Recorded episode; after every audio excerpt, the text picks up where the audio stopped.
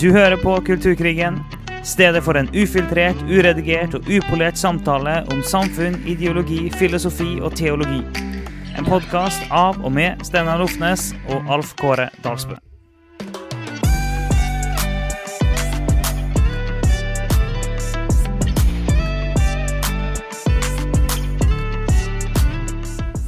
Ja, vi begynner med litt sol og sommer og lettprat. Fordi vi har Ja, det gjør vi. vi har så utrolig mye eh, sol og sommer eh, her på Vestlandet. eh, ja, men det har vært, eh, det har vært en fin, hva vi kaller det, forsommer. Og så gjenstår det jo selvfølgelig å se videre, da. Uten at vi skal snakke for mye om været, så er, er, er sommer på Vestlandet er enten helt fantastisk i korte perioder, eller så er det veldig dårlig i lange perioder. Det det er sommer på Vestlandet. Og det er alltid skummelt når vi har hatt uh, veldig mye fint vær, når vi har hatt mange uker med skikkelig varmt og godt og sol. Da føler man jo at man har brukt opp kvoten. Ja, så definitivt. definitivt. og at, at vi får hevn, på en måte, da. Ja, ja, midt ja, i sommerferien. Ja, ja. Det, Så det er alltid skummelt. så vi, vi, vi, tror på, vi tror på en slags sånn eh, værkarma, vi. ja, ja, vi gjør faktisk det. Eller iallfall et slags at, at et visst antall millimeter regn som må komme i løpet av året. Ja, men ikke Så hvis bare det det. ikke kommer på én periode, så må det komme på en annen. Du må liksom Ja. ta, ta igjen. Vi må ta det igjen, for du må uansett nå på en måte årsmålet. Den mengden kommer uansett. Men det var litt sånn, eh, vi, vi kan ikke ha for mange solminutt heller. Da, da, da biter oss bak senere. Ja, det, er ikke rart at de tro, trodde på eh, værguder og sånn eh, i denne landsdelen, iallfall. Nei, nei, nei, det kan vi si. Um, men eh, nå er vi godt ute i sommeren, uh, iallfall når denne kommer ut, så vi har litt, litt, litt sånn sommerspesial. Det, nå har vi jo hatt eh, fem episoder på rappen om pride. Og vi sa det hele tida at vi, hadde, vi, vi skjønte at det måtte være sånn, men vi hadde ikke lyst. Men vi måtte. Det var så mye trøkk at vi måtte, vi òg. Så eh, nå er det veldig deilig å eh, snakke om andre ting. Åh, ja, og det er jo deilig både å snakke om andre ting, og så er det deilig at uh, den måneden der er over, og at det liksom er et helt år til neste gang. Altså, det, klart, det, er jo, det skjer jo en del på året òg, men uh, merker kan, puste litt sånn lettet ut, da. Ja, Så skal vi eh, frastå eh, fra å snakke mer om det, men eh, vi kan bare konstatere, konstatere at det er deilig å være ferdig. Det, det er det. det er det. Og snakker vi for mye om det nå, så havner vi tilbake igjen i det. Men de fem Ja. episodene de får holde nå. Så kan vi snakke om Ja. andre ting, for at det, vi er opptatt av mye andre ting òg. Men eh, vi, vi har jo tenkt at eh, dagens episode skal være eh, litt annerledes, litt lettere, før vi i de to neste stuper inn i litt Ikke nødvendigvis tyngre, jo, kan jo si tyngre, selvfølgelig, men eh, hva skal vi kalle det? da? Altså, Vi skal jo også snakke om abort da, de to neste episodene, og det er jo ikke akkurat en eh, superlett tematikk. Altså, det er ikke Nei. Det er jo hardtslående, det òg, da. Så, for, så det, etter fem, fem episoder om Pride, så, eh, så, så kunne vi hoppa rett inn i to om, abort. Men nå tar vi en liten slags sommerspesial først, før vi tar de to om abort. Og, og det er jo litt sånn fordi nå, når det her spilles inn, så eh, Du er jo hjemme. Jeg har faktisk reist opp til mine foreldre en liten tur. Det er jo, eh, det er jo ingenting som er som å dra til besteforeldre med ungene. Da får du jo, det er da du får ferie. Så det å reise på ferie med ungene er jo ikke ferie. Men å reise hjem til besteforeldre når du har små barn, det er ferie. Og så det, det, det jeg gjør, da, det er jo da at jeg ok, reiser hjem enten til mine foreldre eller svigers, og så får jeg masse, masse fri. Og den fritida den bruker både jeg og du på å lese mye og høre veldig mye podkast. Det er det vi gjør i Ja, da, ja, da gjelder det liksom å få fylle på. Noen lurer jo på hvordan vi forbereder oss, og sånn og vi sier jo at vi har, eh, vi har jo litt notater noen ganger mer og noen ganger mindre. Eh, Men vi snakker ganske sånn fritt og spontant. Men eh, måten vi forbereder oss på, er jo egentlig bare å dundre på med, med, med å, å suge til oss informasjon. Eh, på liksom andre tidspunkt enn når vi forbereder en episode, men vi bare fyller hjernen da, Mm. med sinnssykt mye greier. Enorme mengder eh, kunnskap og informasjon. Som vi da eh, prosesserer og sånn. Og det liksom danner grunnlaget da, Ja, det gjør det. Så vi, kunnskapen og det vi har å komme med. Ja. vi, pre altså, vi presser inn ganske mye bare i hverdagslivet. Det gjør vi. Men når vi har ferie, så vi, vi- tar det ikke ned, for å si det sånn. det er, vi dobler, eller kanskje til og med tredobler mengden vi klarer å få inn i løpet av en ferie. Eh, Ja. Så min ferie er veldig enkel. Jeg går tur på fjellet, hører podkast og leser bok, og er med familien. Det er det, eh, det er det jeg bruker min ferie på, og det er perfekt. Jeg har jeg har ikke behov for noen ting annet. Så jeg, mener, jeg har noen, jeg har noen podkaster som som, som, avkoblingspodkaster, der jeg tar inn annen type informasjon. Eh, Ja. Så jeg, jeg, er jo faktisk medlem jeg, av, eh, av uh, The Rest Is History-podkasten. Mm. Og for meg er det litt sånn Det er sånn, det er sånn uh, palett-cleanser, på en måte. da. Eh, er liksom uh, forfriskende å bare gå inn i forskjellige historiske ting i stedet. Det- Noen vil det- sikkert det litt morsomt. og- jo, men den er, det, Det den, den er sånn lett underholdning, den. Eh, Ja. Det skal sies at der òg lærer jeg faktisk ganske mye som er relevant. og det skal Altså, sies lærer jo kjempemye, da, men det er på et helt annet tema. Ja, det, det er på, på en helt annen måte. Historie er jo for så vidt òg nyttig inni de tingene vi snakker om. her. Ja, ja, helt Så- klart. Men vi er jo sånne som syns det er gøy å lære masse. Uh, lærehunger. Jeg er faktisk En av mine beste minner fra da jeg var liten, er jo at uh, når jeg spurte pappa om ting sant? Man har masse spørsmål om uh, verden og livet og historien og hvordan alt henger sammen. Så, sa han, så svarte han på en del, men så, så sa han veldig raskt eh, gå til leksikon og les.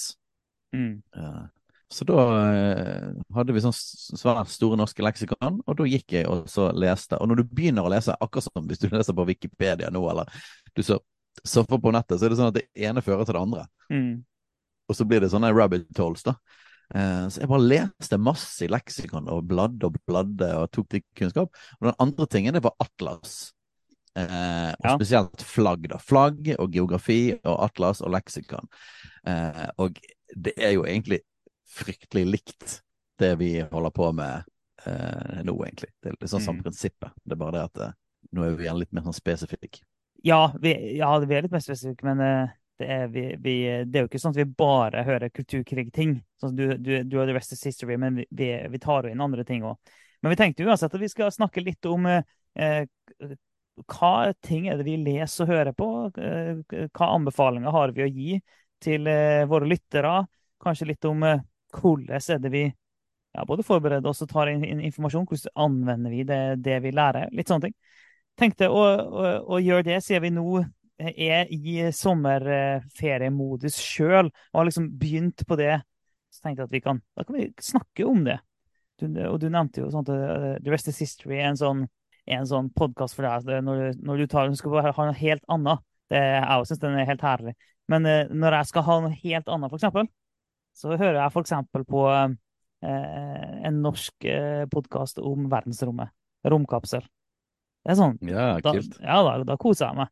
Hører litt om Venus og trykket som er der, og sånne ting. Men ja, det er læring, sant? du liker jo verdensrommet. Det er jo det er en av de ja, tingene som er veldig forskjellige. Jeg hater er verdensrommet. ja, det, jeg elsker historie akkurat som deg, så jeg kan høre, jeg kan høre The Rest is History dagen lang. Det er helt konge. Men, eh, men jeg syns verdensrommet er fantastisk, og det er jo ikke du. Nei, jeg er veldig jordbundet. Ja. Eh, så når det kommer litt, litt utfor atmosfæren, da, da syns synes altså, jeg det vi, blir ekkelt. når vi diskuterer Mars, da er vi virkelig på hver vår planet, for å si det sånn. Det er, Ja. det er, jeg er veldig for at eh, vi skal sende mennesker til Mars, og du er veldig imot.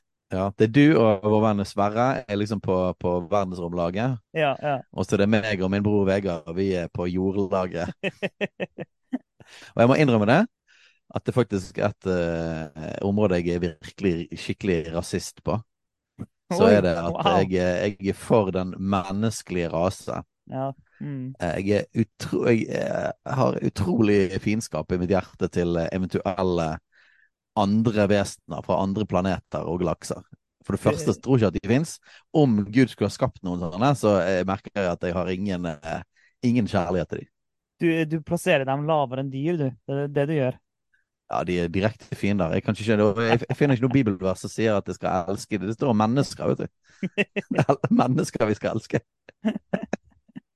Og så- Men du er litt sånn du kunne bodd på Mars. Eh, Ikke nødvendigvis jeg, da, for nå har jeg fått familie, så da blir det litt annerledes. Det er, så jeg vil ikke forlate dem.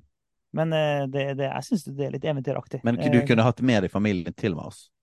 Ja, ikke nå, da, for det, det, jeg jeg er altfor realistisk i hodet mitt. Så jeg tenker bare at det hadde ikke vært godt for dem å vokse opp der. Men i sånn drømmesituasjoner, kunne du liksom vært en sånn Mars-kolonist som startet et lite Ja. sånn Kunne startet et litt sånn der kristent samfunn der oppe. Ja, ja, ja. ja. Plantet menighet på Mars. Jeg, jeg, jeg kunne ha starta en sekt i mitt eget bilde. Så det Ja da.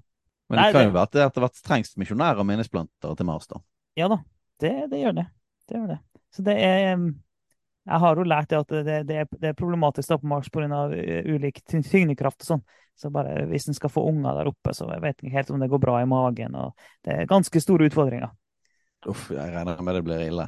Jeg, jeg er jo av den oppfatning at vi bryter med skaperordningen med å tulle med disse her stedene. Ja. Vi er å være på jorda. Punktum. Ja, men, eh, nei, men du, så du koser deg litt med, eh, med planeter og sånn, da?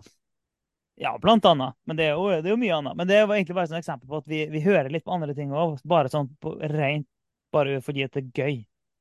Eh, og det er viktig. Men så må, du, så må vi jo ja, så må vi si at eh, Og dette er en helt sånn reell utfordring, og det vil jeg òg si til de som vi nå skal papre med nye ting de kan høre på og Mm. lese. s- Det er veldig viktig, og dette kjenner jeg må være veldig bevisst på, at, eh, at det er god, en god balanse mellom volumet av sånne type ting man tar inn, og volumet av Bibelen man tar inn. Det er viktig. Eh, at Guds ord er det som former mitt sinn, primært. Eh, og jeg har vært eh, sant? Man, man har en sånn personlighet at man er veldig lærehungrig og kan gå ned i sånne rabbit holes. Så har jeg noen ganger bare sånn OK, dette er ikke bra. Nå har jeg, nå har jeg gått for dypt inn i det, liksom. Jeg, det var vel i fjor, var det i sommer? Var det i fjor sommer, eller var det i Jeg hadde i hvert fall en sånn flow der jeg hørte så sinnssykt på Herbert Marcuse. Både leste bøker av han og hørte Ja. taler av han. Og det er litt sånn her Når du liksom Når du har brukt flere dager og hører taler og leser bøker av han i mye større volum enn jeg hadde lest Bibelen, da kjente jeg at uh, Ja, ja, dette er ikke bra. Nei, det er ikke det. Det er ikke det. Uh, og det, det, det er faktisk en ting en må være bevisst på, iallfall hvis en er litt, hvis en er litt lærehungrig, og en ha, hvis en har en eh, evne til å ta inn kunnskap, da, har en kapasitet til å tilegne seg kunnskap i stort monn. Hvis en har det, der er jo folk litt ulike, og ja, du er nok eh, Vi er nok eh, Vi er nok ikke helt på snittet eh, når det gjelder det. Vi har en evne til å ta inn ganske mye på ganske kort tid. Uten at det, ja, det, det, det ser vi jo når vi snakker med andre mennesker, at vi har. Men, men det er utrolig viktig å være bevisst på, på den balansegangen der. Jeg kan kjenne det. At før jeg skal lese bøker eller før jeg skal høre podkaster, sånn, så kan jeg kjenne at jeg må, jeg må kjenne etter i mitt hjerte av og til. I min ånd. Mm. Er det egentlig det her jeg skal gjøre nå? Er det her jeg trenger? Og av og til så kan jeg kjenne at jeg vet hva, nå trenger jeg å være stille. Jeg trenger å ikke ha eh, noe input, eller jeg trenger å be. Jeg trenger å tilbe Jesus, bare. Se på han. Eh, og la det være mitt fokus. Det, det må jo være nummer én alltid, eh, sånn, eh, sånn overordna sett. Så det er lov å lære seg andre ting, selvfølgelig, men det må være nummer én i livet. Og det, så av og til merker jeg bare at nei, nå kan jeg ikke høre på det her. Jeg, nå- jeg, må, jeg, må se på Jesus. Eller eh, Ja. nå går jeg fjelltur uten å ha noen ting på øret. For jeg trenger Ja, den bare er, viktig. den er viktig, da. Den er kjempeviktig. Jeg trenger å bare gå og la tankene kverne for seg sjøl. I går hadde jeg det. Jeg, jeg gikk, på, gikk på fjelltur, og så tok jeg fram podkast. Starta, og så begynte jeg å gå. Jeg, og så kjente jeg bare mens jeg gikk Det her kan jeg ikke gjøre. Måtte bare stoppe. Mm. Eh, Og så gikk jeg resten av turen uh, uten. Og det trengte jeg Ja. skikkelig. Og når jeg da kom ned igjen, så kjente jeg hele mitt vesen at det at jeg hadde gått og tenkt og bedt og bare gått i min egen verden på den måten her, så kjente jeg at jeg var på et mye mer fredfullt og harmonisk sted når jeg kom hjem. Åh, ja, men det er kult du tok opp det. Du går mye på fjellturer, jeg går mye tur med hund i skogen. Mm. Og eh, vi hører jo mye podkast eh, i, i, i de situasjonene der. Og der, jeg kjenner øh, jevnlig på akkurat samme som du. Det er bare sånn, Noen ganger så tar jeg bare proppen i, og så bare kjenner jeg Nei, vet du hva? Nå skal du høre naturen. Ja. Nå skal Mm. du faktisk høre fuglene og stillheten og naturen. Det er faktisk skikkelig viktig for både ånd og sjel. Ehm, og en del andre ganger bare sånn Nei, nå får du heller ha på, tar du heller på lovsang og bruker tid til å be, eller bare tenker tenker og ber uten noe, eller, eller hører på Bibelen. Ja, og det er ganske mange ganger jeg liksom helt sånn Jeg har lyst til å høre mer på en eller annen sånn greie. Så bare, nei, vet du hva. Sett på lydbibel isteden. Ja, så, så det der med å passe på den inputen, både stillhet, høre naturen, men òg å få inn Guds ord og åndelig føde. Balansere det da med, med det andre. Det, Ja, det er ja, vi vil ikke føre folk til fall her da, når vi kommer med masse ting å høre på. liksom, at Ikke, ikke gå i den fellen. Ja, og uh, det, var, det var egentlig bra at vi tok den uh, li, li, litt sånn detour innom det det der nå, før vi bombarderer folk med tips.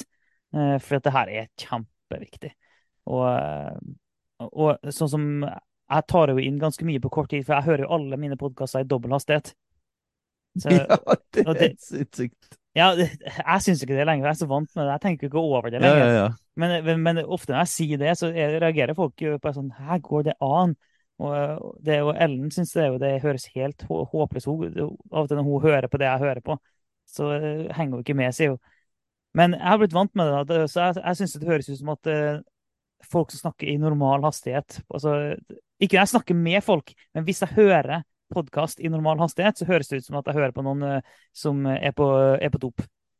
Det, er, det, det hører, høres ut som hjernen liksom Hjernen har trent seg opp til det. Men det som er rart, er at, at du klarer å switche over når du snakker vanlig med mennesker, at det ikke høres rart ut. Ja, sant. Um, Det, det, det du har ikke begynt å snakke raskere heller. Nei, men jeg, jeg snakker kanskje litt fort uansett, da. Ja. Men, eh, Men men eh, ja, har, du, har du hørt Ben, ben Shapiro på dobbel hastighet? ja, men det gjør jeg. ja, Jeg gjør det. det må jo være helt insane raskt. Ja, det er faktisk det. Det, det, det er kun, hittil, eh, i de, alle de årene jeg har hørt på dobbel hastighet, så er det kun to personer som i perioder det er litt utfordrende å høre i dobbel hastighet. Ben Shapiro er én, og den andre Du kjenner han? Det er Tarjei Gilje. Ja. ja, ja, ja men det, det gir mening. Altså, det, det er podkasten til eh, Dagen, Tore og Tarjei.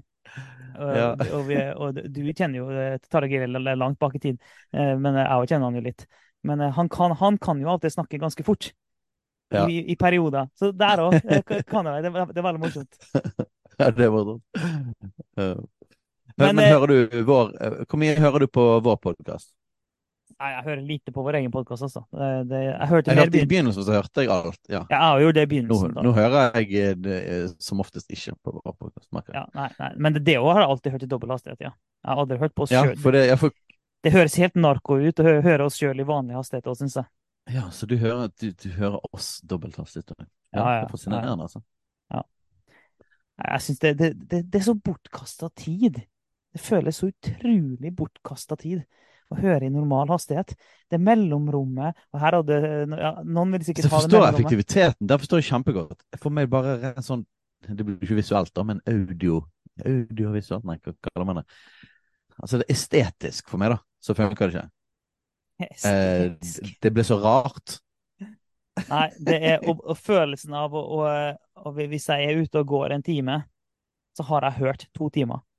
Den følelsen er magisk. Ja, Eller er på, eller, eller er på kjøretur med familien. er Flere timer i bil. Altså det jeg kan rekke å høre da, er jo helt enormt. ja. Ja, men Skal vi hoppe inn i litt uh, hva ting vi både hører på og leser og uh, ser på YouTube og kanskje følger på Twitter? Ja. Um, Så sannsynligvis bruker vi nå resten av episoden her bare på å bombardere våre kjære lyttere med tips.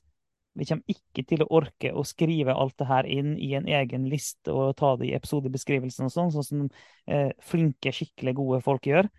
Eh, så her må du bare trykke pause hvis du vil finne det fram, og gå spole tilbake og sånn. Vi bare kaster ut masse, masse, masse greier her. Som, eh, som du kan bruke deler av din sommerferie på å sjekke ut. du kan lage en eh, liste på notater, for eksempel, Mm. på telefonen, og så skrive det ned der senere. Ja. Nei, men la oss eh, hoppe i gang, da. Kanskje vi skal begynne litt kronologisk? Begynne med litt sånne ting vi hørte på tidlig? Ja, det kan vi. leste tidlig? Har jo, vi har jo nevnt, bare for å ta den, da. Vi har jo nevnt eh, ganske tidlig i podkasten og på Facebook og sånn eh, 'Explaining Postmodernism' av Stephen Hicks, og vi har nevnt eh, 'Cynical Theories' av Helen Pluckrose og James Lindsay. Eh, og eh, en, en, som vi òg ganske tidlig hørte mye på og leste, var jo Jordan Peterson. Han har jo to bøker uh, som er kanskje de mest sentrale, sant? de mest kjente. Det er jo 12 mm. Rules for Life og den siste Beyond Order. 12 More Rules for Life, of Life, hva er det, hva det kalles? 12 More Rules for Life, ja. Um, og så har han jo noe mer avansert uh, bøker, eller en til mer avansert bok som jeg ikke har lest. Han sier den er sykt, sykt vanskelig, så den har ikke jeg ja, begynt på. Ja. Maps og Meaning, tror jeg den heter. Maps og Meaning, ja. Uh, men jeg gleder meg til den nye boken hans, uh, 'Vi som kjemper med Gud'. Mm. Den, det ble jo veldig spennende, da. Og vi hørte jo for så vidt ganske sånne utdrag for, for, fra, fra, den boken i de siste foredragene han hadde i Bergen. Ja, det gjorde vi. Så, så, så det var jo noen av de første eh, vi begynte å høre på. Ja, det var det. Og Stephen Hicks, ja. Ja, altså Stephen Hicks har eh, både den boka hans 'Explaining Postmodernism' men også en del YouTube-videoer han har, var en, var en ja. god hjelp til å forstå en del av eh, rammeverkene, ideologiske rammeverkene for den tida vi lever i. Ja, og jeg oppdaget jo John Peterson på Joe Rogan-podkasten. Og Joe Rogan-podkasten oppdaget jeg fordi at han er verdens største podkast. Mm. Så han ble en del omtalt, og det er ganske mye klipp på YouTube som kom opp og sånt. Så jeg tror at John Peterson, det kom John Peterson-klipp på, på, YouTube når han var på Joe Rogan. Det var liksom Og med en gang jeg hørte han, og aldri hørt om han før, så var det bare sånn Oi! Dette var spennende. Mm. Um, og så hørte Stephen Hicks på John Petersons podkast mm. for ganske lenge siden. Og på YouTube så er hele boken hans lydbok ligger ute gratis på YouTube. Så, så de uh, Explaining Postmodernism og Cynical Theories, vi har nevnt det før, men det, de bøkene der, men for, for så vidt òg uh, undervisning man kan finne av de på YouTube og på forskjellige podkaster, har vært utrolig bra i forhold til å hjelpe å knekke hele sånne koden, hva er postmodernismen og sånn. Mm. Og forstå helt det, det filosofiske grunnlaget og, og historien på de tingene der. Ja, jeg er helt enig. Den var veldig god på det. Men for å forstå mer av det som foregår i dag for Den legger et historisk grunnlag. Eh, og sånn eh, Explaining Postmodernism heter vel noe sånt som eh, fra Rousseau til Foucault, eller noe sånt som det. Og tar på en måte idéhistorien fra Rousseau til Foucault. Kjempenyttig.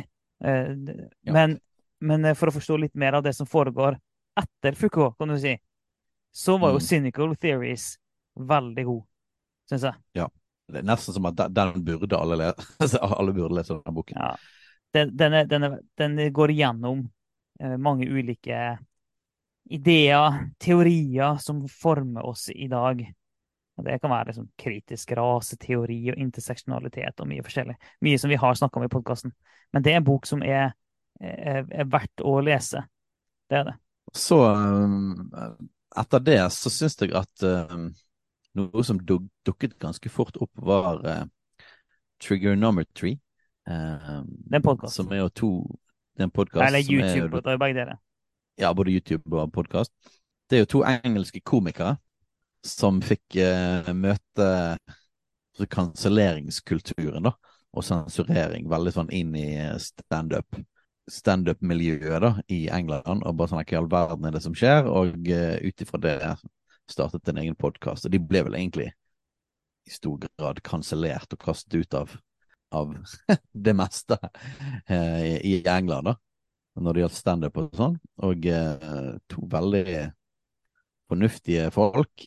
Og eh, han er Constantin Kissing, han, han eh, har jo blitt Har jo fått noen virale videoer eh, det siste året.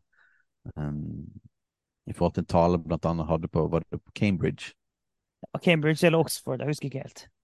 Ja, um, og han ble tatt ganske mye inn òg på i forskjellige medier og nyhetsting i forhold til situasjonen i Ukraina og Russland og sånne type ting. Så han har jo fått ganske blitt en ganske sånn eh, ty tydelig stemme. Han er en av de der to. Og det kule med de, er at du får høre mer eh, du, De intervjuer en del engelske folk. Du kommer litt tettere på hele den engelske virkeligheten. Ja, det kommer litt nærmere på. Det, litt sånn, det er litt mer europeisk, og det, ja, det synes jeg er veldig nyttig. da. Ja, det er en fordel at ikke det bare er amerikanere. Det er det. Eh, så Trigonometry har, har, mye, har mye interessant, altså. Eh, det har de. Og eh, Du nevnte jo boka til John Pearson, du var så vidt inne på podkasten hans. Han har en podkast om å Det er Altså, John Peterson er jo på en måte Han er jo en sånn kaninhulets mester, han òg. Og han er jo en sånn eh, ja. eh, digresjonenes eh, ypperste Konge. prest. Ja. ja. Eh, Det, altså, han kan gå, virkelig gå alle veier, og det kan være, til tider kan det være eh, komplisert å følge han i hans resonnement. Men, eh, men han, eh, det er mye interessant på podkasten hans òg. Det er mange som har hørt om han, da. Det er det jo. Ja, Og der kan jeg jo si noe etter Stephen Hicks. Noe av det sykt geniale med Stephen Hicks Altså, John Peterson er veldig spennende, men som du sier, han går, han går komplisert inn i ting. Mm. Og altså klart, han har jo undervis, un, undervist på universitetet og sånn, han òg. Men det som jeg syntes var sykt kult med Stephen Hicks, som er jo professor, eh, professor i filosofi, er at han er veldig pedagogisk, snakker veldig sånn tydelig og egentlig litt sånn sakte, og er veldig systematisk i måten han underviser på.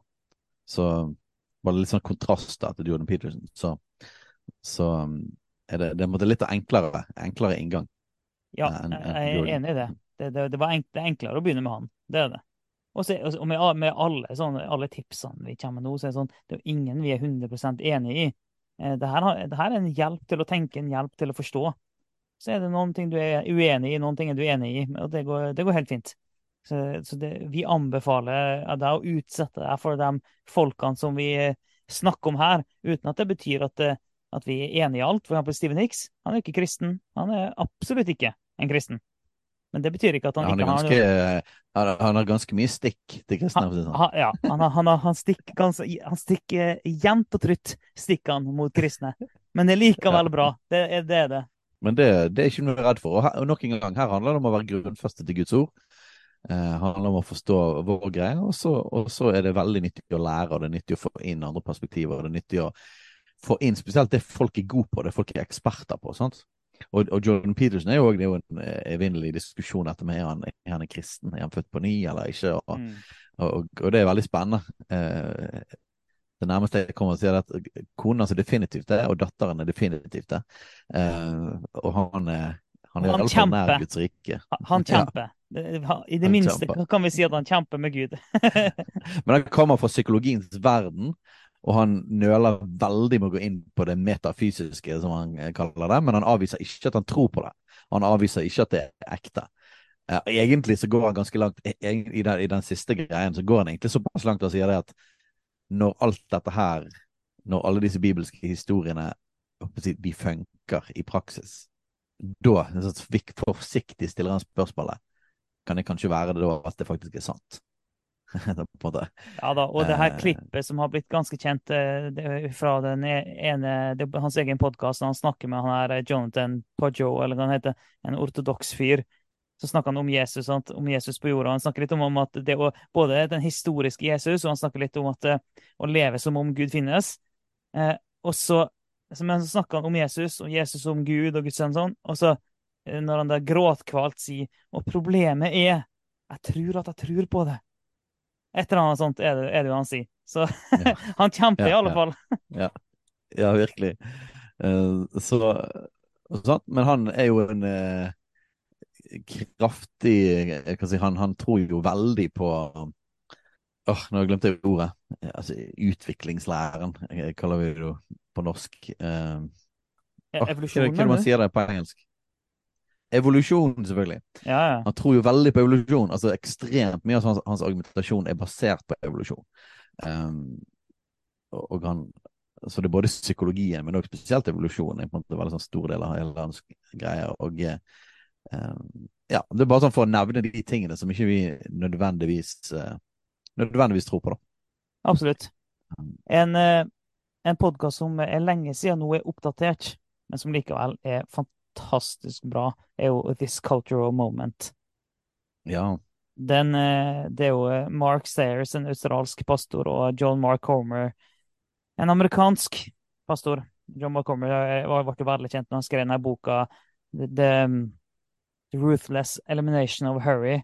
Og så kom han nå eh, med en bok nå eh, eh, Nå holdt jeg på å glemme boka.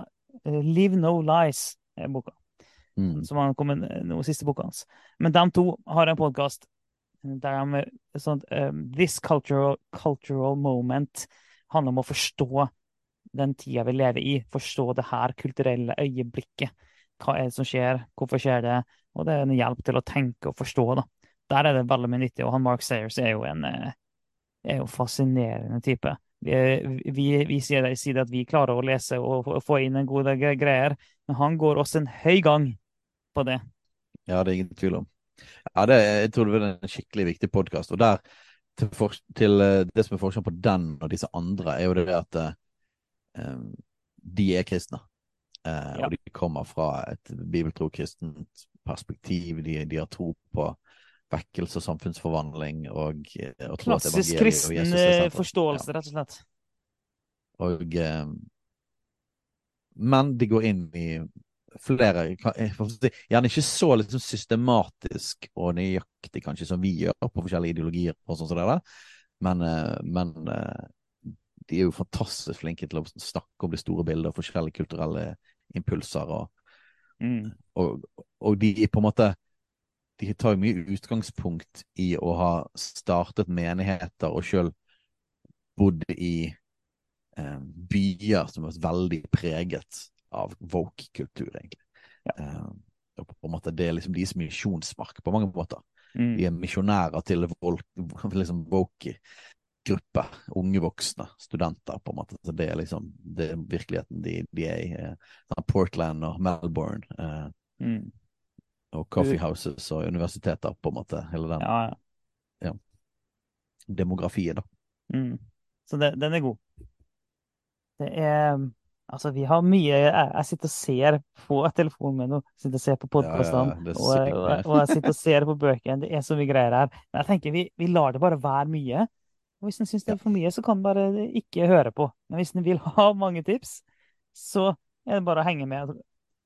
Eh, det, det, det, ja. Har, har, du noen eh, Nei, jeg bare nevnte trigonom, trigonometry, bare for å ja. liksom eh, stave det litt mer, så du kan finne det. Ja. Trigonometri. Tri. Uh, så er det en som har dukket opp på det der, og egentlig på, det er jo mange sånne som dukker opp på mange av disse podkastene. da. Ja, det er sant. Uh, med en engelsk mann som heter Douglas Murray, mm. uh, som kan være greit å nevne. Han er en rimelig skarpsindig, konservativ kommentator. Um, personlig Altså, han er ikke kristen, homofil, og ekstremt anti-pride og anti-woke. Uh, veldig sånn fascinerende kombinasjon, men han er lignende intelligent og har uh, noen utrolig gode kommentarer. eh, inn i ja, den virkeligheten vi er i. Jeg har faktisk, slå meg nå at eh, jeg har jo aldri kommet meg til å lese noen av bøkene hans, men burde jo gjøre det, altså. Fordi de, jeg har hørt han snakke om flere av de bøkene, og de er, virker utrolig spennende. Du har, ikke, nei, du har ikke lest noen av hans bøker heller? Så jeg, har lest boka til Andrew Doyle. Den har jeg lest. Ja, du har lest hans bok, ja. Eh, som heter ja, Han er jo naturlig uh, videre ja, han, er jo litt, han har vært på trigonometry flere ganger. Men uh, Andrew Doyle er jo, er jo, litt sånn samme ulla med og en tidligere uh, komiker. og uh, Han er britisk. han er homofil. som har skrevet en bok som heter The New Puritans. Det er jo en ganske sånn ramsalt bok, altså, der han tar virkelig tak i, i hele ja, ikke bare woke-greia, men, men, ja, mye av det òg. Sånn, boka heter The New Puritans. Og derfor Han snakker om hvordan det, det det har forma seg på en måte som en slags ny religion. Eh, hele denne nye bølgen med woke. Eh, de nye puritanerne, de som er så rene og ranke og har så høyverdig moral. Eh, og, så tar han tak da, skikkelig i det og går gjennom. Det er jo en, både en god hjelp til å forstå det, det vi møter, det trøkket vi møter i forhold til pride måned, og sånn, det trøkket vi møter, den totalitære følelsen. Han, han, han, bidrar til å forstå det, samtidig som han gir ganske sånn god skyts, god argumentasjon mot det. Han er utrolig god på å vise situasjonen i England når det gjelder ytringsfrihet. Ja. Han har helt sånn sjokkerende statistikker, som en del av Ja, det, det, det er virkelig verdt å høre men på. Men ikke bare statistikken, at han har historie på historie på historie i boka. Ja. Eh, det er fullt av historier som, der du ser at ting. Ja. at ting har bare gått ekstremt langt i England. Det er faktisk veldig skremmende. England er, og Skottland faktisk, innenfor Storbritannia, virker som at det er Skottland, kanskje Canada eh, og England, de landene der, som er de som har gått aller lengst i forhold til knebling av ytringsfriheten og, Mm. og det som har med hatprat, eh, hatparagrafen og på en måte det å faktisk dømme eh, folk i forhold til den. Så det, det er ganske heftig. Eh, jeg måtte bare finne fram de bøkene til han som jeg nevnte før. Eh, nå ser jeg, at jeg merker det er litt sånn vanskelig Vi har jo snakket om dette her med identiteten, homofil og seksuell identitet og sånn som det der. Mm. Og jeg eh, i utgangspunktet ønsker jeg å avstå fra liksom å kalle folk det. Eh, Så litt sånn rent sånn teologisk sett opp for noen som er kristne. Så jeg, jeg vet det er kristne som mener, og konservative kristne som tenker at det er en grei ting. Jeg, jeg personlig har ikke helt eh, roen for det, da. Um, så en kristen person kaller ikke jeg homofil. Men uh, disse her eh, ikke-kristne selverklærte homofile, uh, det er litt sånn her vanskelig å ikke kalle dem for det. da. Så jeg bare nevner det, bare siden dette med begreper er noe som vi har snakket mye om, og seksuelle identiteter og sånne ting, og hvordan skal vi snakke rundt det. Så i tilfelle noen la merke til at vi bare sa det, så, så er det ikke uten Det er uten eh, Det er litt sånn som hva gjør vi i forhold til når vi møter en transperson Mm. som sier at navn, navnet, navnet er det, Mm. og så har du bare det navnet å bruke. Hva, hva skal du Mm. si? Du må nesten eh, Så, så det, det, det kommer inn i hele, hele den greia der. Hvor, hvordan skal du forholde deg til å bruke de merkelappene folk setter på seg sjøl? Så det, det er litt uh, interessant. Men jeg så faktisk at bøkene til Douglas Murray, han som nevnte før, uh, han uh, Andrew Doyle, de er faktisk oversatt til norsk, noen av de. Det har jeg ikke sett uh, før jeg søkte den opp. Uh, så på norsk heter det blant annet om Europas underlige død, og som da handler om innvandring, identitet og islam. Uh, veldig spennende tematikk. Jeg har ikke lest boken, men jeg har hørt han snakke om det. Og så har han en som heter på norsk 'Massenes vanvidd', om kjønn, rase og identitet. Um, de som heter jo da på engelsk heter de The Maddest, Madness of uh, Crowds og The Strange Death of Europe. Uh, og så er det hans siste bok, da, som er The War on the West. Som ikke ser ut å være oversatt til norsk. Men uh, de som er veldig lesehungrige, så?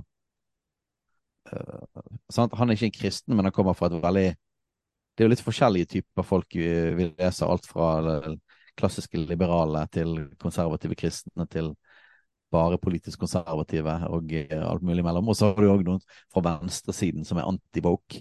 Eh, så det er et ganske stort spekter liksom, i hvor folk kommer fra. da. Mm. Eh, eller konsekvente liberalister, sånn som Og opplysningstidsfolk, da, sånn som Stephen Hicks. Um, så, men, men akkurat når det gjelder Douglas Murray, så kommer han fra et, et slags klassisk konservativt utgangspunkt. Um, som jeg tror vil sammenfalle på veldig mange eh, områder fra min, min kristen virkelighetsforståelse. Altså, vi får, vi får bare kjøre litt sånn pingpong fram og tilbake her. Og så Ja. spiller vi videre på de tingene vi vi tar opp her, for det, det er så mye. Um, en um, en podkast som òg er interessant, det er jo Theology in the Raw. Uh, litt sånn rå teologi, kan du kalle det. Uh, med Preston Sprinkle. Han har også skrevet en, en god del bøker. Det, han toucher inn på alt som er vanskelig. Og han syns det er interessant sjøl òg, så han dundrer på med alle vanskelige tema. Um, og det er, det er like Men han, han, han er ganske Han er veldig, han er veldig oppriktig og fair. Han går skikkelig inn i hva har Bibelen å si, hva er teologien, jobber skikkelig med ting. Um, og av og til så, uh, av og til så kan, jeg, kan, kan, jeg, kan jeg kanskje synes at han, uh, han går litt vel langt i å prøve å uh, komme i møte alle mulige folk han snakker med. Men jeg, Han er full av kjærlighet, det skal han han, han, er, han er full av kjærlighet. Han, han, han, han strekker seg langt for å komme i møte. Det gjør han. Det han er jo modig, da, for han hopper jo inn i materien skikkelig. helt klart, han gjør det. Og, uh, men jeg, jeg syns det går greit likevel, fordi han er så tydelig som han er. Han, han står knallsolid på Guds ord. Jeg har også lest en bok eh, som han har skrevet som heter 'People to be loved', eh, som handler om eh, homofili. Why homosexuality is not just an issue. Eh, og det, det, handler om at, så Der går han gjennom hele homofilispørsmålet, men er veldig tydelig på at det her handler om mennesker, og vi må elske mennesker. Samtidig som han mm. går gjennom teologien kjempegrundig. Eh, så det er faktisk en bok som jeg vil anbefale hvis du syns at hele homofilispørsmålet er vanskelig. Hva sier Bibelen egentlig eh, om homofilt samliv? Ta, få tak i den boka, da, 'People to be Loved' av Preston Sprinkle. Det er en ja. kjempegrundig og god bok på det. Og det er noen stemmer som er veldig gode stemmer. Altså, jeg og du er jo veldig sånn vi liker jo oss i det prinsipielle universet. Mm. Selvfølgelig må vi forholde oss til mennesker òg når vi faktisk møter mennesker. Ja, ja, ja, det er en utrolig viktig ting for oss. Men, men, men, vi er jo sånne som liker å lese og lese leksikon. Og, altså Vi liker idéverdenen veldig godt. Eh, som gjør at det prinsipielle, det teologiske, sant, det filosofiske, ideologiske er Vi kan gjerne være inni der og være veldig tydelige der. Um, og så er vi òg glad i mennesker, men det er ikke vår liksom sånn hovedgreie i denne podkasten. Um, men så har du noen folk som er de har et sånn veldig sånn brennende hjerte for mennesker primært, men òg er god på på en måte teorigreiene. Uh, og jeg synes at Når vi snakket med Runa Gjertsen, for eksempel, så syns jeg han er en sånn som har, mm. har det hjertet veldig tydelig. for Kommer veldig opp fra den vinkelen at, at liksom det handler om mennesker og, og, møte mennesker. Og det samme gjelder han her. da. Uh, så, så, det er en veldig god Ja, det er en god greie hvis man òg hører på oss og kan føle at det blir litt vel prinsipielt. Og litt vel liksom firkantet og sånn. Eh, men du, du, kjenner liksom det, det smerter veldig i hjertet når vi snakker om disse spørsmålene. Og, og, du har lyst til å ha den kombinasjonen av sunn, sunn teologi eh, og klare tanker, samtidig med, med, et veldig brennende hjerte for mennesker. Og noen ganger litt mer sånn praktiske innfallsvinkler. da. Ja, både, både praktisk og, og, og, til dels eh, pragmatisk. Ja. Mm. Um, så han er god på det, da. Jeg merker ja. på samme måte som noen sikkert syns det er utfordrende å høre på oss, syns jo jeg litt, litt utfordrende å høre på han. Fordi at uh, jeg bare sånn Jeg står for alt han sier, da. Jeg, jeg, jeg, jeg, er virkelig liksom på linje med han. Uh, men jeg syns noen ganger på sånn ah, Hvorfor uttaler du deg så forsiktig likevel? Jeg synes det var sånn Jeg sovner litt sånn her mm, liksom, Litt sånn trekk og litt utropstegn og litt sånne skarpe formuleringer og sånn. Fordi at liksom det føles bedre for meg. Ja, ja, jeg liker det, det bedre, liksom. Det føles bedre for deg, sant? Det er akkurat det. det... Og, og, for de som da føler det, det annerledes da, enn meg på det, eh, og det er litt sånn personlighetsmessig, tror jeg, så er han veldig god å høre på, da. Så, så det kan kanskje vært et godt tips til de som kjenner seg igjen i den. Eh, er litt motsatt av meg der, da. Ja. Nei, så Preston Sprinkle, han, han er bra. Eh, det er han. Um, skal vi ta det annenhver, eller hvis ikke så kan jeg holde på evigheter. Så jeg tror vi må ta litt sånn annenhver. Ja, det kan, vi, det kan vi jo alltid. Nei, vi kan ta annenhver. Altså. Nå, har vi funnet, nå har vi funnet en struktur på dette. Ja, nå ja. har vi lagd en slags plan. ja, eh, og så kan vi bare kommentere på hver, ja, hver av de. Ja. Så tar vi. Um, ja, den som kom opp her, da, bare for å ta litt sånn spredt og tilfeldig, det var podkasten Conversations with Coleman. Mm. Eh, en som heter Coleman Hughes. Eh, han var utrolig Jeg vet ikke. Det var, det var ganske heftig å høre på han eh, første gang jeg oppdaget han. Um, han er en ganske ung, svart, altså afroamerikansk intellektuell. Utrolig Nei, han, han imponerer meg veldig, da. Fordi at han har en helt sånn sinnssyk kombo av Han er veldig rolig, altså veldig klartenkt, og så hopper han inn i de mest ubehagelige spørsmålene rundt rasisme. Med en sånn ro at jeg klarer ikke helt å skjønne nesten at det går an å være en afroamerikaner. og, og, gå sånn inn. Liksom skytingen av uh, George Floyd, liksom. Og gå liksom skikkelig inn i å liksom Ja, var dette et drap? Uh, og liksom Og så lander han veldig moderat. Veldig, han er en han, er, han stemmer ikke republikansk. Uh, han er en klassisk hva si, liberal demokrat, egentlig. Men han har store problemer med hele woke-bølgen. Eh, ytringsfrihet er veldig viktig for han, og han, opp, han gikk sjøl på hva det heter eh, universitetet i New York, Columbia University, som er en av Som faktisk Marcuse og noen av de var lærere på. Mm. Nymarxistene faktisk eh, hadde et eget fakultet på det universitetet, eh, som et kjempe sånn, woke universitet, og eh, hørte Fikk liksom ja, lærte om sånn, postmodernismen og Foucault og alle disse tingene, og fikk det med blod, og bare reagerte med en gang. Liksom, hva i all verden er dette her eh, for noe? da? Så jeg, jeg bare syns han er utrolig imponerende, og går veldig inn i hvis, hvis, du har lyst til å høre veldig spennende, men òg nyanserte, intelligente eh, samtaler rundt det med rasisme, eh, rasisme, slaveri eh, og de tingene i USA, så er han eh, virkelig anbefale. Jeg syns det er deilig å høre på en liberal afroamerikaner snakke om dette temaet. Mm. Eh, og problematisere BLM og uh, kritisk rasteori og de tingene der. For da det er vanskelig å på en måte uh, anklage han for å være en uh, sørstats redneck og rasist. Men det er jo da, er da han blir kalt race traitor. Det er jo det han blir kalt ja, da. Ja, absolutt. Det blir han jo. Raseforræder. Og det er jo men han står forunderlig bra, det. Men han er, ja, han er veldig kul og interessant å høre på. Ja, jeg er helt enig. Han har mange spennende samtaler. Den siste jeg hørte på hans podkast, var jo en samtale med Peter Singer, av alle. Eh, ja, den har jeg ikke hørt. Ja, Der han snakker om uh, abort og dyrevelferd og full pakke. Uh, Peter Singer står jo rimelig langt unna oss, for å si det sånn. Men det var likevel ja. interessant å høre på. Um, en podkast som som jeg syns er god. Det er, det er jo en podkast som heter Think Biblically. Det er, mm. Det er noen eh, klassisk konservative folk fra um, et kristent sånn, universitet i, eh, i USA. Um, som det, det, ligger jo i navnet. Tenk bibelsk. Da prøver de å gå Det er jo på en måte litt sånn som vi òg. Vi snakker om det med å tenke kristent. Tar de tak i ting i kulturen. Og så vil de prøve, prøve, å tenke kristent, tenke bibelsk på ulike ting i kulturen. Der er det mye, mye godt. Uh, og uh, jeg må bare ta en slags liten sånn uh, digresjon på det. For det som kommer opp ved siden av i podkastfeeden min her, ved siden av den, er jo selvfølgelig James Lindsay med New Discourses. Vi har nevnt James Lindsay før. og det er sånn, Jeg vet nesten ikke hva, hva, vi skal si om han, fordi Han er en så altså, hvis, du, hvis, hvis, hvis, Jordan Peterson er liksom hva du kalte han? Eh, keiseren av av, av, å gå omvei, holdt jeg på å si. Ja. Oi, ja, ja. Så hvis du snakker om uh, å være, å være uh, universets heftigste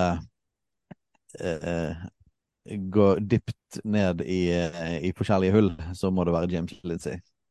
Altså, han er, han er på en måte en sånn kaninhullets gruvearbeider. Han bare bor der nede. gruvearbeider. Det, var, det var bra.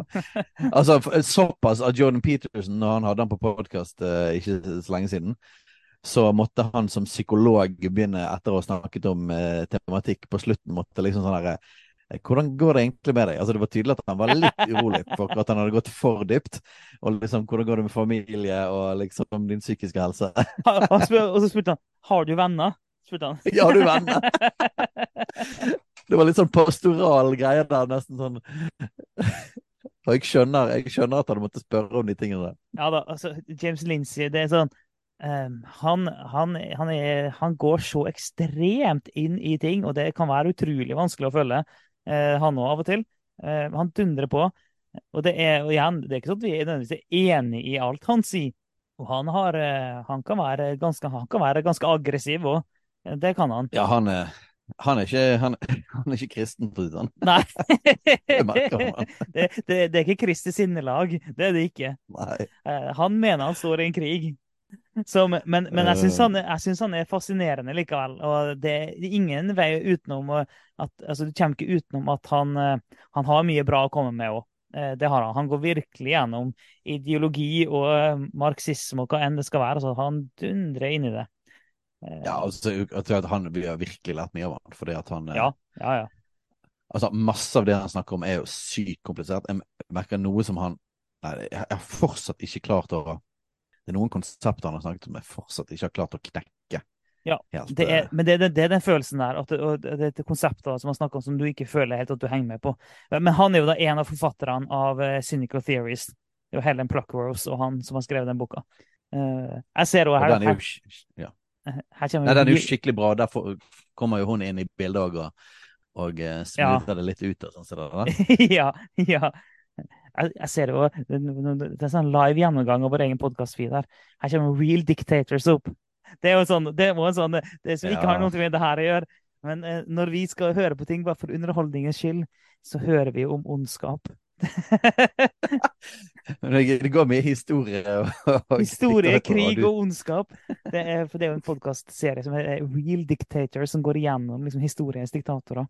Det er sånn som vi, eh, vi hører litt på og diskuterer oss imellom. Men, eh, men det, det skal sies igjen at det er veldig nyttig med historiekunnskap, generell Ja, allmennkunnskap, geografi og eh, ja, diktatorkunnskap inn i dette temaet. Det er klart at det, vi drar jo mye på den forståelse av de tingene. Eh, Bare eh, James Lindsay, da, så selvfølgelig, han har jo en webside med ressurser. Han har en Voke ordliste. Han har en Dictionary har han, ja. ja. Podkast der han har sånne små episoder der han går gjennom forskjellige begreper.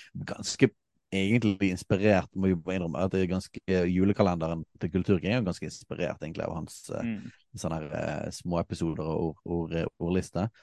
Han har jo også skrevet en bok som heter Race Marxism, som, eh, som eh, Han sparer ikke på symbolikken, hvis man ser på forsiden av den. Der er det en hammer og stig, da. Rød, hvit og svart forside der. Men han går han, han er ikke den som simplest går gjennom kritisk rasteori, men han er den som går grundigst likevel eh, gjennom det. Så den, den, har, eh, den handler om kritisk rasteori. Men veldig nyttig til å forstå marxisme enda bedre og enda dypere. Og eh, så en tale Altså, han går jo inn i the theology of Marxism. Går, Ja, han gjør det. altså, han går jo så dypt, vet du, at det, Uh, man skal virkelig henge med, men, eh, men, men han hadde en tale i EU-parlamentet faktisk for kort tid siden, Ja, stemmer det. som jeg syns var en veldig god Den ligger på, på YouTube. Um, han sjøl sier at han syns det er den beste talen han har hatt om marxisme. og Liksom Forstå litt sånn her underliggende hva det ligger under. Jeg syns han var veldig god, altså. Den var, den var bra. Så James Lindsay han sparer ikke på eh, superlativene og kan være ganske aggressiv. og eh, men jeg har forstått maoisme bedre gjennom han, og jeg har Nei, altså har fått mye, Ja mye lærdom. Så for de som virkelig har lyst til å gå inn i materien på ideologi og filosofi, så, så er han en mann å regne med. Jeg, jeg, jeg, vil, jeg vil faktisk òg nevne Midt oppi det her så vil jeg faktisk nevne eh, Tim Keller. Det er, Ja. det er Det blir fra en helt annen vinkel igjen. Eh, Tim Keller er jo Han døde jo nå nylig. Men den fyren, altså Noen av bøkene hans er bare helt rå. Og det ligger kjempemasse stoff ute fra han. Eh, Mange podkaster. Han er jo Skal ikke ta imot hele hans historie, sånn sett, men men en eh, pastor. Klassisk evangelikal eh, pastor i USA, eh, som har skrevet en del bøker. Og det, det anbefaler virkelig altså, å lese han for, i, i møte med kulturen. Hans evne til å tenke kristent i møte med kulturen, hans evne til å resonnere eh, på en kristen, bibelsk måte, er knallbra og hans evne til å klare å dra alt inn til evangeliet. Altså det, jeg har aldri vært borti noen som, som klarer å dra alt inn til evangeliet i enhver setting, altså som det, det, den fyren eh, klarer. Så det er, det, det, det, jeg håper det er litt på sida, men det er på en måte ikke på sida heller. Han bare drar ting til, inn til Jesus hele tida. Eh, og han har òg en podkastserie som heter eh, Questioning Christianity, der han de bare går gjennom eh, store, viktige ting i kulturen og i møte med kristendommen. Eh, Kjempenyttig podkast. Litt sånn link for både han og James Lindsay. En annen kristen eh, Han òg går litt dypt i ting, altså, men eh, hvis du er litt på Gå inn i det avanserte, så er det en podkast som heter Sovereign Nations, som eh, Det er en kristen sørstabsbaptist eh, pastorleder som òg har gått uh, liksom fullt inn i hele den greien. Man har James Lindsay en del inne og går inn i en del dyptgående ideologi og sånne ting. Så jeg husker ikke hva den het, men podkasten heter Sovereign Nations. Um, så bare slenger jeg på en veldig kort en. Subjekt har en uh, ja, Vi kan jo nevne subjekt generelt, da. Jeg bare så podkasten ja, deres. Etikk og estetikk. jeg så inn på podkastlisten deres at vi har jo faktisk flere lyttere enn de har. så Sånn satser. så. Vi større podkast. men, eh, men, avisen eh, Subjekt har jo en enorm vekst og fått en større og større innflytelse. Og, eh, og blitt en viktig stemme. Danby Choi, som er sjefsredaktør, er jo blitt en veldig viktig stemme i kulturkrigen i Norge. Og er jo da en konsekvent liberaler, rett og slett. Og veldig for ytringsfrihet og trosfrihet. Og selvproklamert homofil. Um, og alt interessante med, med, de folkene. Litt sånn som Douglas Murray og Andrew Doyle, som, uh, som er kritiske inn, inn mot pride og sånne ting. Kanselleringskultur. Så uh, avisens subjekt er veldig interessant å se på, og det er flere kristne uh, stemmer som er faste spaltister der. Og får skrive ting som nok ja, ikke hadde kommet til så mange andre steder. Så han er, han er en spennende fyr. Veldig nyansert og rolig type òg. Han er ikke noe ekstrem i det hele tatt. Men han er veldig modig og går rett uh, Ja, stiller opp. Han er jo kanskje noe av det viktigste ansiktet i Norge på en del sånn kulturkrigsspørsmål. Jeg skal slenge ut en som uh, uh, jeg har begynt å høre på nå for ikke lenge siden. som heter Upstream. Og Den sier at eh, den skal bidra til å gjøre ditt verdensbilde større og eldre. Det kristne verdensbildet. Da. Det er jo en hjelp til å forstå verden gjennom eh, kristne linser, gjennom bibelske briller. Der, der òg er det mye, mye bra, altså, med å, med å, forstå verden på en kristen måte. Så Upstream der, Jeg har hørt eh, noen episoder den siste uka derfra. Så Det, det syns jeg har vært veldig interessant. Uh, QIDs er jo en, en, sånn ting. Det er en som heter Gabe Lyons, som har mye som går på mye av det samme. Think media, en ting han driver på med. Der òg. Der går de gjennom mange interessante og vanskelige spørsmål å jobbe med okay, hvordan skal vi tenke kristent her. Hvordan skal vi tenke teologisk og historisk om de her store, vanskelige spørsmålene. Det òg anbefaler jeg å sjekke ut. Ja, og så har vi en slags uh, søsterpodkast, iallfall i navnet. Uh, det er en svensk podkast som heter Kulturkriget. ja. uh, den har bare fem episoder, uh, og, og de, jeg syns de var bedre. utenom én episode, den første episoden der, av de fem. Det er med Johan Lundberg. og han har jeg, jeg måtte bestille boken hans, jeg hørte nær postmodernismen kom til Sverige, har han skrevet en bok. Han er svensk filosof, og er egentlig liksom Sveriges versjon av Stephen Hicks. Han er en eh, altså filosofiprofessor som er dypt urolig over postmodernismens eh, infiltrering av eh, universitetssystemet og samfunnet generelt, og har skrevet om det. Og en veldig sånn rolig rolig svensk intellektuell. Litt sånn sjenert, virker det som men er veldig smart og har eh, eh, Det kommer nærere igjen, da. Eh, sånn som at Storbritannia er nærere Norge, så er jo òg da Sverige veldig mye nærere. Så det, det, er veldig interessant. Så den første episoden i Kulturkriget med han Johan Lundberg, der de snakker om postmodernismen og innflytelsen i Sverige, det, den kan anbefales. Jeg kan ta en fra, en, en, en fra Norge, da. Eh, altså Goffeng på leting. Det er jo Espen Goffeng som uh, har den. Den er litt interessant, fordi at uh, altså Espen Goffeng er jo, på, han er jo ute på venstresida. Jobber, jobber, det er jo i regi av uh, Tankesmien Agenda, hvis ikke jeg husker helt feil. Han er jo en tidligere sånn Palestina-aktivist og forskjellige opplegg. Han har vært solid plassert ute på venstresida. Men han har mange spennende tanker og refleksjoner om den tida vi lever i. Så igjen, en fyr som ikke, eh, som ikke står der vi står, men på visse ting så er vi veldig på linje. Og det er for, i, i, møte med altså når det gjelder ytringsfrihet og woke-greiene og sånne ting. Der er vi veldig på linje, da. Jeg syns han, har, eh, han er interessant. Ja, og han legger ikke fingrene imellom heller. Eh, Og det er litt gøy med folk som står en del vekk fra oss politisk, som er ganske tydelig i Mm. forhold til de tingene vi beskriver. Og som for meg blir litt sånn her Dette her er ikke bare en sånn her eh, alt-right konspirasjonsteori. Men det er folk på hele det politiske spekteret omtrent som, som reagerer på disse tingene. Siden du nevnte en norsk podkast igjen, altså, så jeg nevnte jo Subjekt, og så kan vi jo si Fundament-podkasten. Vi har jo uh, hatt inne flere av de samme gjestene, ser jeg. Så den er jo litt sånn der, en av de mest sånn parallelle podkastene til, eh, til vår podkast, da. Så den, eh, den kan vi anbefale. Uh, all verden. Altså, jeg er så dårlig på navn, så nå jeg, jeg, jeg glemte akkurat navnet på han som har podkasten. Han var jo hos oss. Hva heter Ralf eh, nei, nå, nå kan jeg bare lene meg bak, så kan jeg telle, kan telle hvor mange sekunder tar det uh, før uh, For det, det, vi har ikke, det har vi tulla veldig lite med. Men, ja, men din evne til å huske navn er jo eh, Altså, din evne til å innhente kunnskap og huske ting er veldig god.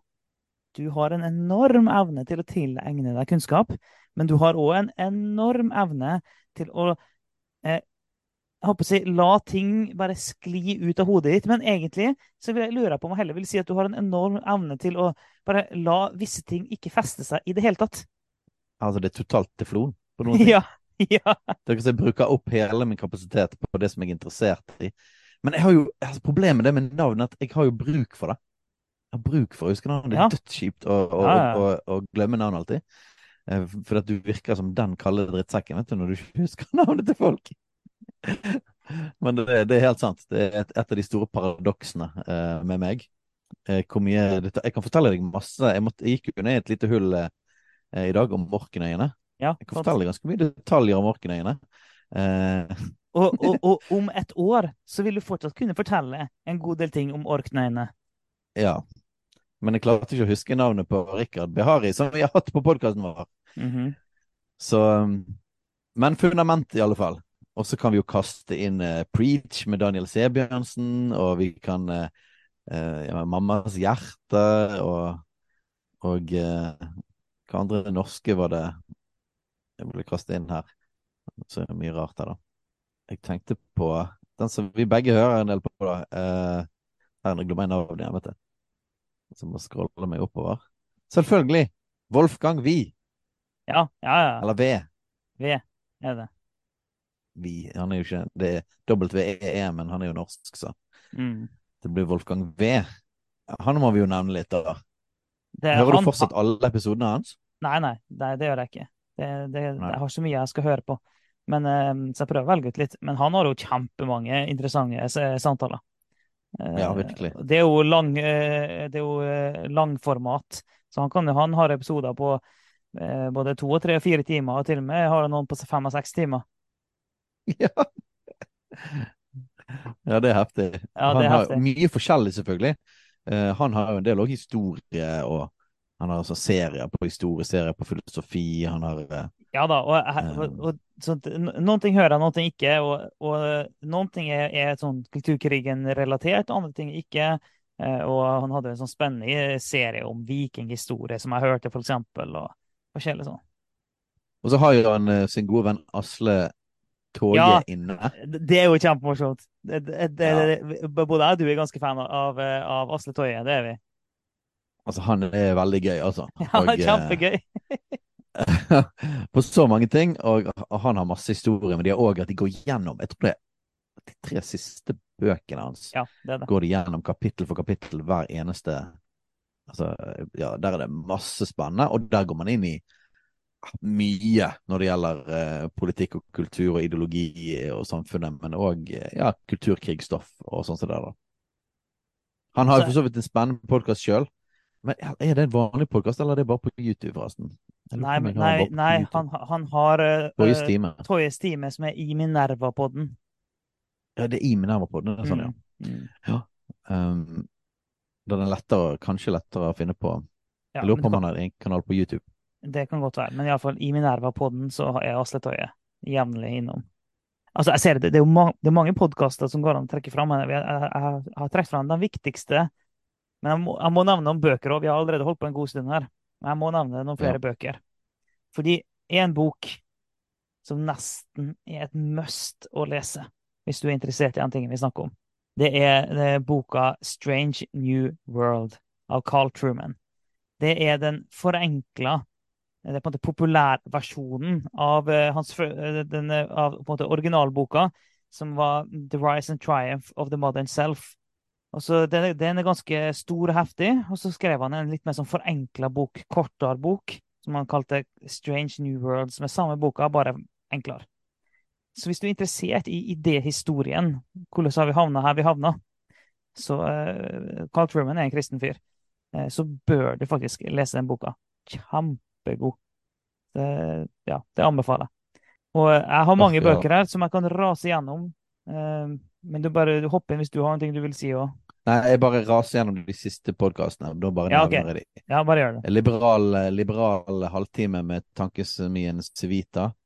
Interessant. Mannspodden glemte jeg i sted å nevne. Det er jo en eh, Ja, den er relevant, folk vi kjenner, kjenner godt og har vært innom, ja. Modern Wisdom er noe interessant. Her der er mye forskjellig. Chris Williamson, men han har eh, Ja, men jeg, jeg føler det. Ja, en del på kulturkrigstoff. Eh, noen må gå, det er BT, men det er jo jeg nevner jeg bare, bare fordi at eh, en av våre nemesiser er jo der. Altså, vi, vi, vi, vi, kan jo vi kan si såpass at, at uh, vi står over ganske langt unna Jens Kiel på det meste. Uh, men, ja. men, vi har tulla litt med det. Det hadde vært litt artig å spurt om han hadde lyst til å være med i podkasten en gang. Så det, det er ikke ja. umulig at vi slenger ut en forespørsel en gang, altså. Det, det, det er det ikke. Altså det er Bergens Tidende-podkast og uh, Jens Kiel, ja. Så jeg bare nevner den. Interessant. Um, ville òg en, en, en, som jeg har lært veldig mye av, heter, det er en Philosophy This-podkast. Mm. Stephen West. Veldig god. Han er ikke på vår linje. Han, er, han har omfavnet nymarxisme og postmodernisme og sånn. Eh, og eh, blir ganske urolig nesten over litt misjon, ja, det er litt misjon i det, men han er, han er, han er god, altså. Jeg har lært masse om han, eh, fra han. Uh, og da kan man finne, hvis det er forskjellige folk i filosofi, ideologi, historien man lurer på, så kan man gå inn der. Så, så spesielt episoder om Gramsci og nymarxisme, Foucault, ja, uh, Derrida, um, Frankfurt-skolen og de tingene der. Han lang på Frankfurt-skolen og Foucault, de, de var skikkelig nyttige, da. Så bare nevner det. De er altså ikke kristne i det hele tatt, og heller, eh, heller, fra den andre siden, da. Men veldig gode. Veldig gode, godt beskrivende. Eh, god undervisning. Ja, da legger jeg vekk podkastene, så er... kan vi ta noen bøker til slutt her. Ja. Um, jeg vil nevne at John Stott har skrevet mye som, er, som jeg syns er veldig nyttig og viktig. John Stott er jo en, en avdød britisk teolog han skrev blant annet en bok som eh, han kalte 'Issues Facing Christians, Christians Today'. Der han går gjennom altså bare, hva er det kristne møter i dag, og hvordan skal vi tenke bibelsk om det. det, det, det er en stor bok. Jeg lurer på om det er 500 sider, jeg husker ikke. Jeg har lest hele, og det var verdt det, syns jeg. Men uh, 'Issues Facing Christians Today', John Stott, han har, uh, han, har også skrevet en som heter 'Contemporary Christians' og 'Between Two Worlds'. Alle de bøkene er kjempenyttige, altså. Bare for å bli forankra skikkelig solid i, eh, i, sunn, god teologi og tenke virkelig bibelsk om den verden vi lever i. Så John Stott, supersolid teolog som er, er verdt å lese. Ja, vi nevnte jo vi bare gikk inn på, på YouTube her, da. um, og uh, vi nevnte jo helt i starten at Ben Shapiro snakker raskt. Og uh, The Daily Wire er jo på en måte nesten et slags det, et medie, det er jo et mediehus, konservativt mediehus. Ja. Uh, de er jo uttalt konservative. Ben Shapiro, som er liksom sjefen, er jo da ortodoks jøde, og de har flere ja, kristne og katolikker uh, inni der. What is a Woman-filmen ble jo gitt ut av de, og både Ben Shapiro og mange av de som er med der, er jo ganske aktive både på podkast og på YouTube og alle sosiale medier, og kaster ut rimelig mye greier. Mm. Eh, og akkurat som alle disse folkene, så er det ikke sånn at jeg står for alle de tingene som de, de står for eller sier, og sånne ting, men, men det er jo det er ikke tvil om at de er en kjempeviktig kulturell kommentator. Eh, og den største og mest voksne konservative eh, mediehuset etter hvert i USA. Ja. Uh, og så preger selvfølgelig Norge masse òg. Det, er ja, ja. masse nordmenn, nordmenn, som hører på de. Ville nevne de òg, midt i miksen vår. Et par bøker, da. Um, Kjell Skartveit har, har vi hatt på podkasten. Han har en bok som heter Normløst, som er veldig god. En uh, veldig viktig stemme i Sverige på dette, og han er jo mye i Norge òg. En som heter Olof Edsinger. Ja, han, han, han, han kan du finne en del podkaster av, og ja. han har mye bra. Veldig klart tenkt fyr. Veldig nyansert og tydelig. Veldig bra. Han har blant annet en bok som heter 'Når minoriteten setter tar majoriteten som gissel'. Veldig god bok. Han har flere andre bøker òg, men denne her er gitt ut på norsk.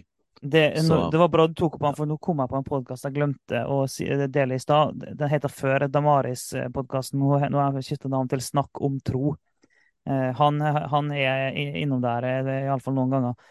Men eh, det er også, det er jo apologetikk som er deres greie. Men, ja. det, men det òg syns jeg er nyttig å høre en del av det, det de har på den podkasten der. Kjempemye nyttig som bare fundamenterer deg solid og trygt i god kristen forståelse.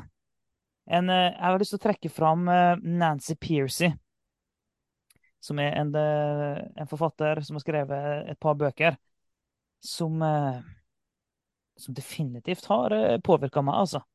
Hun har skrevet en bok som heter Total Truth. Total sannhet. Det handler om verdensbildet. Men Det handler om hvordan det kristne verdensbildet er total sannhet. Sannhet over alle sannheter.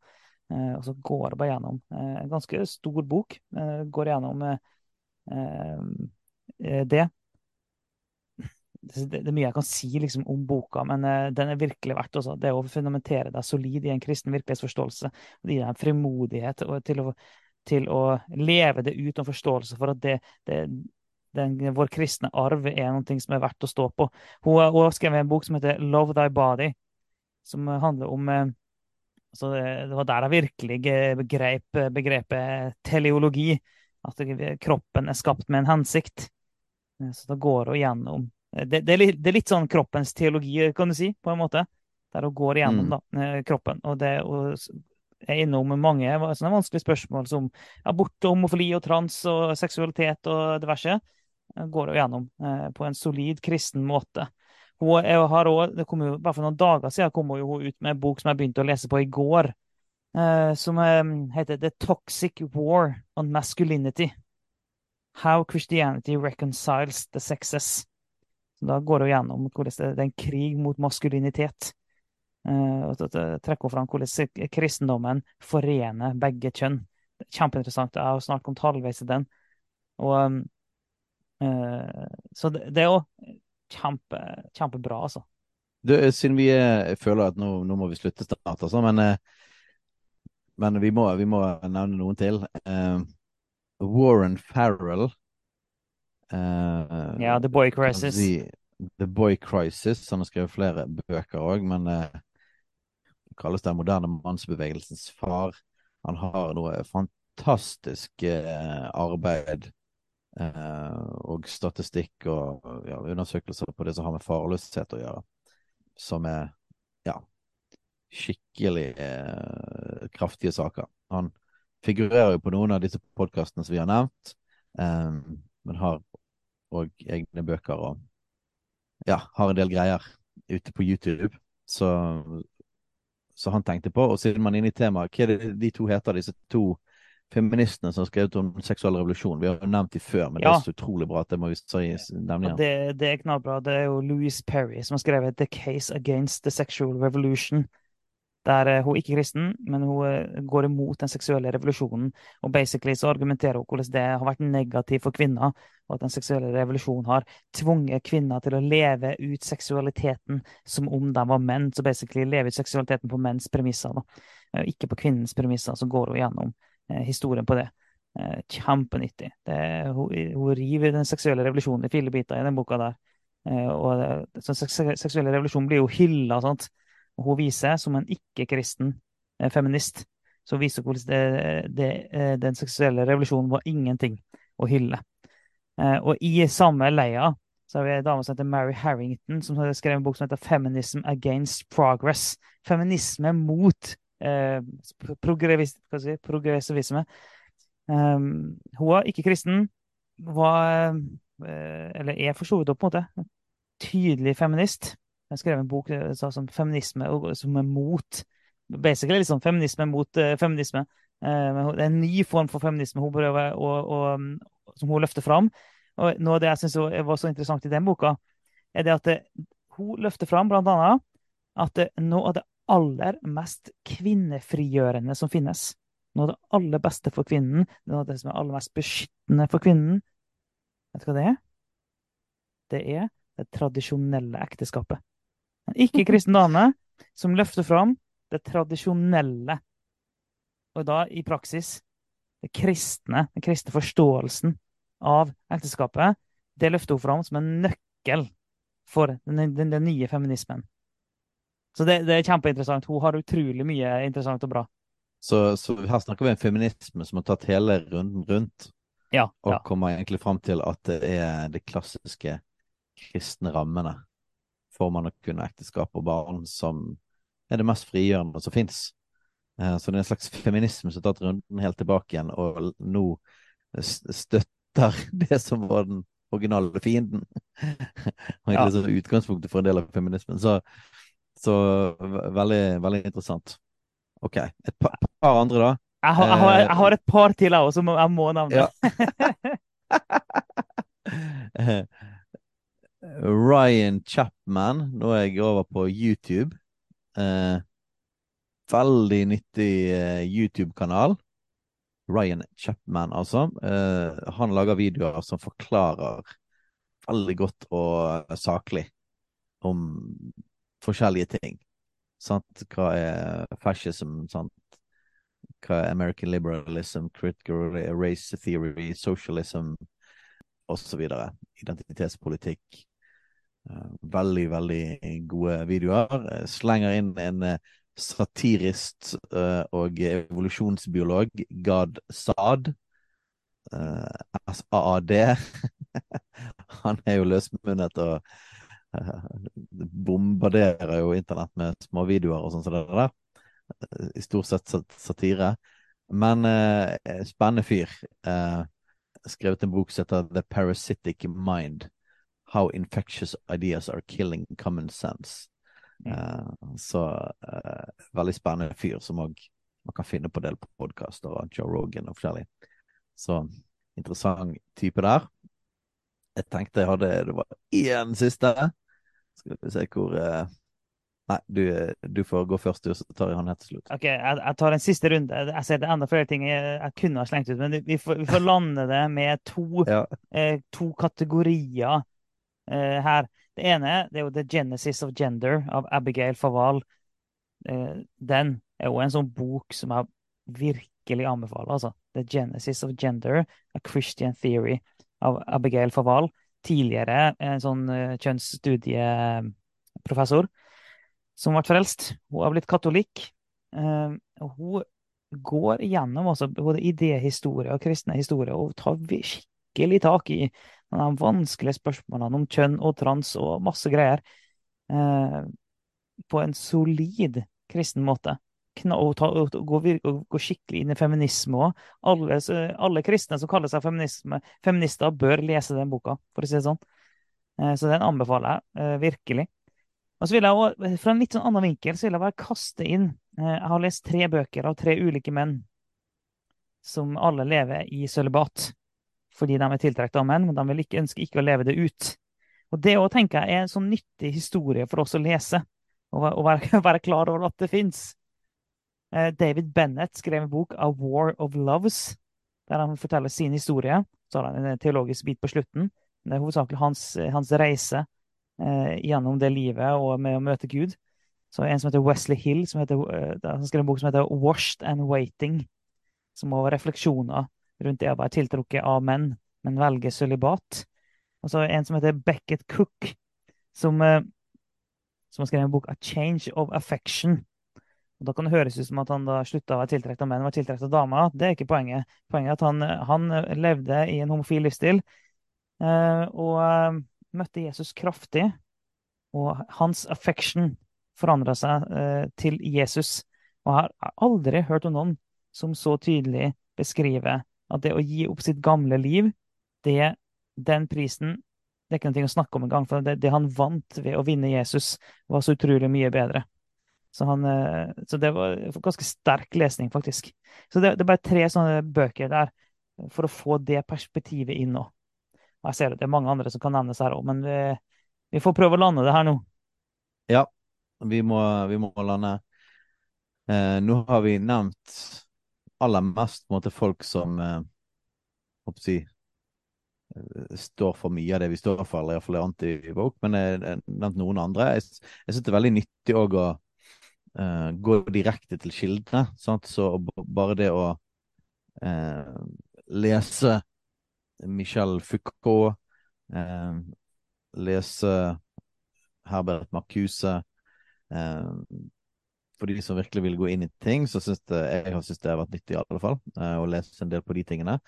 Så er det òg en YouTube-kanal som heter Theory and Philosophy, uh, som går ganske godt inn i en del av disse tingene, og er da ja, positive og støttende. Altså de, de kommer fra den siden. Uh, postmodernisme, ny marxisme og sånne ting. Så det er en YouTube-kanal, Theory and Philosophy, som Ja, jeg tror det, det er nyttig, nyttig, å ikke bare få det fra den kristne eller antivåk-vinkelen. Uh, og så en aller siste YouTube-kanal, og for så vidt Han har vel skrevet bøker og, og lagd mye forskjellig, men det er Kristoffer Rufo, som er sammen med James Lindsay den fremste liksom, kritikeren av kritisk raseteori. Eh, men har en del og nyttige videoer som lett forklarer disse tingene. her. Så Kristoffer Rufo. Så um, da tror jeg jeg gir oss, altså. Ja, jeg, ser, jeg, har ikke fulgt med på klokka, men nå ser jeg at det har vært veldig mye lenger enn jeg hadde tenkt. Ja, men nå er det iallfall sånn at de som eh, datt av etter eh, ti minutter med dette, så er det selvfølgelig eh, det forståelig, det, altså. Men eh, det er sikkert noen som er veldig lærehungrige og sånn, som, eh, som eh, ja, finner det nyttig og kan ta noen eller få eller alle. Si fra hvis det er sånn at du du tenker å liksom høre på og lese alt av dette. Jeg regner med at en del av dette er kjent for en del folk. Ja. Men, eh, men, eh, gi oss gjerne respons på det. Og hvis det, det er jo sikkert masse andre ting der ute, så skriv gjerne òg inn tips og sånne ting som det der, og så Fortsett med det. Ja, ja. ja. Nei, men da, da, da bare avslutter vi. Vi må bare tvinge oss sånn, at Da har vi, nok, eh, nok, ting, og så skal vi fortsette å lese. Hva, hva, skal, vi, hva skal, vi, lese videre i, i, i, i, sommer, og hva skal vi høre på, uh, Afgård? Har du en plan? Ja, jeg, har en plan. Jeg, jeg, jeg, begynte jo på eh, siste boka til Nancy Pierce i går. Så det her, The Toxic War Masculinity. Den skal jeg jo lese ferdig eh, nå, eh, ganske fort. Så har jeg lina opp flere bøker. Sånn eh, det er det er en bok som er ganske heavy, som jeg vurderer meg, og det er en som heter Biblical Critical Theory. Og der, Hvis du har noe, hvis du har borti kritisk teori, så blir du litt skeptisk med en gang. Men, eh, men det, den, eh, den, handler ikke om det du tror den handler om. Men det er jo interessant nok i seg sjøl. Eh, jeg vurderer en bok av Preston Sprinkle som heter Embodied, som går på hele trans-tematikken.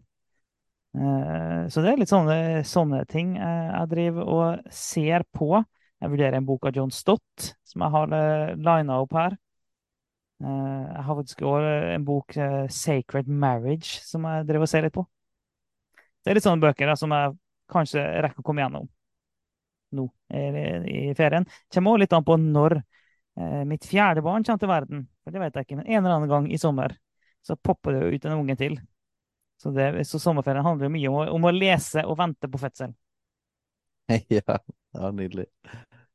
Fantastisk. Jeg, det slår meg at jeg har ikke laget noen ordentlig plan. Var, jeg har lyst til å få en del av disse bøkene i papir, da.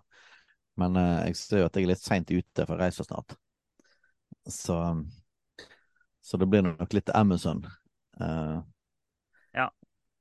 Kindle og på disse tingene her. Men jeg har jo ikke lest The Boy Crisis, slo det meg når vi gikk gjennom det. Og det er jo egentlig en skandale. For jeg tror at det er en ting vi, vi, må gå dypere inn i det i, i høst i podkasten, så den må jeg rett og slett bare få fingrene ut og lese så fort som mulig. Ja, den, den, er, den er, veldig nyttig. Uh, og egentlig, så jeg tenker på at den og den jeg har lest nå, The Toxic War Masculinity, er ganske nyttig altså, i forhold til hele sånn gutter og spørsmål om menn. Kjempenyttig. Jepp. Nei, men da uh, sier vi at det var det. Så snakkes vi uh, i neste uke. Uh, og da får du høre om litt del om abort. Ja, det gjør du. OK.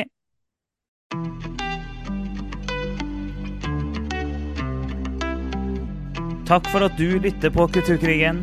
Om du har tilbakemeldinger, spørsmål, hva som helst egentlig, Send inn til post alfakrøllkulturkrigen.no eller på sosiale medier.